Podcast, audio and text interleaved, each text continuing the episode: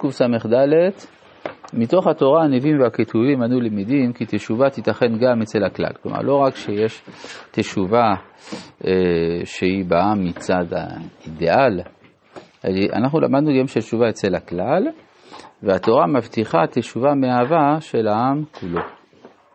מה שסותר את ההשקפה המקובלת על מקריותה והופעתה הפתאומית של התשובה. למה? כי הרי אם התשובה היא דבר מזדמן, בעצם לא מהותי, אז מניין לנו, מניין לתורה אפילו, לומר שבאחרית הימים בסוף יהיה טוב, שכולם יחזרו בתשובה. אפשר להגיד שזה הודעה, כן, הנבואה מודיעה מה יהיה. אבל יותר אה, הגיוני לומר שכאילו זה מין תהליך הכרחי שחייב להתפתח בכיוון מסוים, שיביא, בס... תודה, שיביא בסוף לתשובה.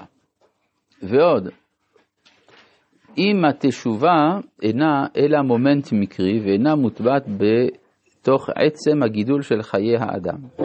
איך נבין את ההבטחות לשווים בתשובה, כי עוונותיהם מתכפרים ושדודותיהם נהפכים לזכויות, מאחר שהחטא גופו אין לו קשר פנימי עם הווייתו העיקרית של האדם, ואינו אלא חיזיון עובר, שבשתא גרידא, שעלתה הפעם ברגעי חייו של האדם, והתשובה שבה היא גם כן רק הופעה מקרית, מניין בא הקשר המסתורי הזה בין התשובה והטבת רצונו ומעשיו לעתיד, לבין העבר המקרי הזה, באופן שהעבר עם מעשיו הבודדים שאין להם כל שייכות לעצם מהותו של האדם, יטוהרו גם הם ויזדכרו על ידי הטבת דרכו בעתיד. ואומנם, שאלה זו שאלו בית ישראל, באומרם פשענו וחטאותינו עלינו, וגם אנחנו נמקים, ואיך נחיה? ועל זה באה תשובת הנביא. חבל ישיב רשע, רשע,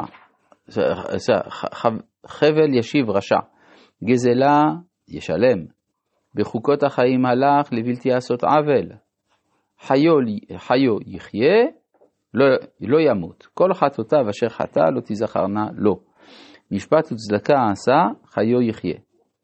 ואמרו בני עמך, לא ייתכן דרך השם, והמה דרכם לא ייתכן. הם אמנם לא האמינו כי כל חטאותיהם לא תזכרנה. אבל הנביא הוא מבטיח כי ייתכן דרך השם, והתשובה פועלת את פעולתה מתארת גם על העבר, שאלה ותמיהה זו של בית ישראל. באה מתוך ההשקפה המוטעית שהיא מבארת את התשובה כגורם מקרי ולא כאחד היסודות החיוניים של האדם והעולם. כלומר, עד עכשיו ראינו מהי התשובה לפי השקפה מקובלת. לפי השקפה מקובלת, התשובה זה דבר שפורץ לתוך החיים, אבל אין לו קשר מהותי אל החיים, כמו שגם החטא אין לו קשר מהותי אל החיים, ובוודאי שלא שייך לכלל לדבר על תשובה. כל זה נסתר ממספר רעיונות שבתורה עצמה. א', שהתורה אומרת שהתשובה מכפרת. חייב להיות איזשהו קשר מסתורי בין התשובה לבין המעשים. דבר נוסף, מצאנו שיש תשובה לכלל. אם כך, התשובה היא איזה מין חוק כללי של הבריאה או של ההיסטוריה. לכן אנחנו חייבים לבאר את השקפת העולם האמיתית של התשובה עד יסוד יותר גבוה. זה יחזקאל, פרק ל"ג. כן. הצרפתים אומרים יחזקיאל. אבל צריך להגיד יחזקאל. כמו שהם אומרים ירמיהו. כן. טוב, אה, פרק ג'. כן, אז ירמיהו. כן. אה, תשובת העולם לפי השקפת רבנו, רבנו כאן הרב קוק. פתרון לכל זה, איך תיתכן תשובה גם אצל הכלל, ולא עוד אלא שהיא מופיעה בחיוניותה המתמידה בבריאה כולה, וגם האיך ייתכן בכלל תיאור וזיכוך העבר על ידי התשובה בעתיד, אנו מוצאים בין השורות המאירות שבאורות התשובה. בקוראנו את הספר רב האיכות הזה, אנו מתמלאים נהרה פנימית עמוקה, טהורה ונשגבה מהאורות הגדולים שבתשובת רבנו, שהם הולכים ומאירים בכל מלוא ההוויה, בכל עת ובכל זמן, והם מקיפים בזוהרם הכולל, כלומר שהתשובה היא תופעה אה, קוסמית, אפשר לומר. והיא מופיעה לא רק, הכולל לא רק את האישי הפרטי, ולא רק את הכלל האנושי, אלא גם את נשמת הבריאה כולה. רבנו הקדוש השכיל להתעמק בחזיון התשובה ומהותה ונמצא למד. כי היא איננה רק איזה ברק הנופל בחשקת הליד של החטאים ומאיר את דרך האדם, אלא יסוד מתמיד של החיים כולם, הפועל את פעולתו החיונית בהמריצו את אישי ההוויה כולה, לקראת התקדמותם והתפתחותם השלמה. כלומר, התשובה היא פעולה שמתרחשת בכל ההוויה כולה, בבריאה, באנושות, באומה וביחיד, וגם בחוטא. בסופו של דבר גם בחוטא, כן? ואפשר לומר אפילו בכיוון ההפוך, באלוהות. כן? בתוך העולם האלוהי יש אה, גם כן פעולה של תשובה. ואם כי כל יסודות התשובה נזכרים לעיל, תשובה מיראה, תשובה מאהבה, תשובת הפרט והכלל, מצאו גם הם את ביטוים המקיף בספר זה בצורה פיוטית וסגנון שוטף.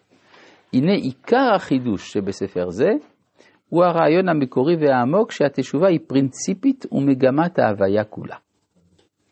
פרינציפית זה... פרינציפית. אה? עקרונית, לא? העקרונית, כן. כלומר שזה, לא, אבל שזה, פרינציפ במובן של ראשוני. ראשוני. בעיקר, בקיצור. זה עיקר, כן. הוא הוציא את התשובה מחוגו הצר של האינדיבידואום. מה זה אינדיבידואום? היחיד, כן, נכון. והוא קבעה במרחבי האוניברסל. וכאן עלינו לעמוד על טיבה ומהותה של שיטת רבנו בנידון התשובה. בסדר, אז זה, הרב אומר את זה. עכשיו, מה הבסיס? כן, מהתשובה פרינציפית. צריך בכל זאת איזשהו עיקרון יסוד, שעל פיו אתה בונה את הכל. אז מה העיקרון הקודם לכל הרעיונות האלה? אז כאן מתחיל החידוש. ההוויה כולה הרי היא גילוי וביטוי של אידאה פנימית. אפלטון, כן, זה מושג אפלטוני, אידאה. כן, שראשיתה, לא בטוח שכאן זה במובן האפלטוני, ייתכן מאוד במובן ההגליאני של המילה. אבל בסדר, נגיד, יש אידאה פנימית שראשיתה נעוצה ברעיון האלוהי בבריאה, וכביטויו של אחד הפילוסופים, רעיון אלוהי בעולם, הוא יסוד כל המראות. אני לא יודע לאיזה מהם הוא מתכוון. אולי הוא מתכוון לשופנהאואר. אולי, אולי. טוב. או כמו שהתבטא אחד המעמיקים, כי העולם בכל שפה ולשון צריך להגדירו כרעיון אלוהי המוצע אל הפועל. האידאה, האידאה המוחלטת, שהיא התגלות האלוהות בבריאה, היא האחדות השלמה, אחדות אורגנית ועצמית. לא זו שבאה מייחודם של פרטים, ממזיגה של כוחות וכיוונים, אלא שעצם הווייתה ומהותה, כל עיקר צביונה ותוכנה, הוא הצורה הבלתי ניתן לפירוט והתבטאות מיוחדת. אחדות הנובעת מהכוח האלוהי שהוא מובע רק בשם היחיד והמיוחד, אחד. כלומר, לא סינתזה של הופעות ועניינים הבאים כתוצאה מהשלמה ביניהם, אלא אחדות מהותית שלא חלים בה כל צורה וביטוי סגנוני, ושניסוחה הקצר הוא בערך זה, אחדות של תוכן ורעיון, של אידאה ומגמה עליונה, ולא אחדות של צורה והגשמה, כי בזמן שהאידאה מתבטאת באיזו צורה והגשמה, הרי בהכרח לה לצאת ממסגרת היחידיות המוחלטת, לפי שהצורה נקראת רק על ידי ההקבלה עם צורה שנייה לה, וממילא צצים ונובעים פרטים שונים המתנכרים לאט לאט לידיעת הדברים שיסודה הוא באחדות עצמית סובייקטיבית, כביכול בלתי תלויה ומותנית בתנאים וצורות אובייקטיביים. טוב, זה מה שהוא אומר כאן, טוב, ננסה לפשט את זה, הוא מתכוון לומר, מה שהרמב"ם כותב בתחילת הלכות יסודי התורה, שהמושג של האחדות באלוהות איננה אחדות מורכבת, כי היא אחדות פשוטה. עכשיו, מה זה אחדות פשוטה? הרי בדרך כלל כל מושג במציאות אתה מכיר אותו על ידי המושג ההופכי. אחד זה מול הרבה. אני יודע, גדול מול קטן, קר לעומת חם וכדומה. אבל אחדות עצמית אין לה לעומתה שום דבר. והעולם הוא ביטוי של האחדות המקורית. ו... לא, כי, כי לעומת הפיזור יש לך אחדות של לאחד דברים. זה תמיד מניח את הריבוי.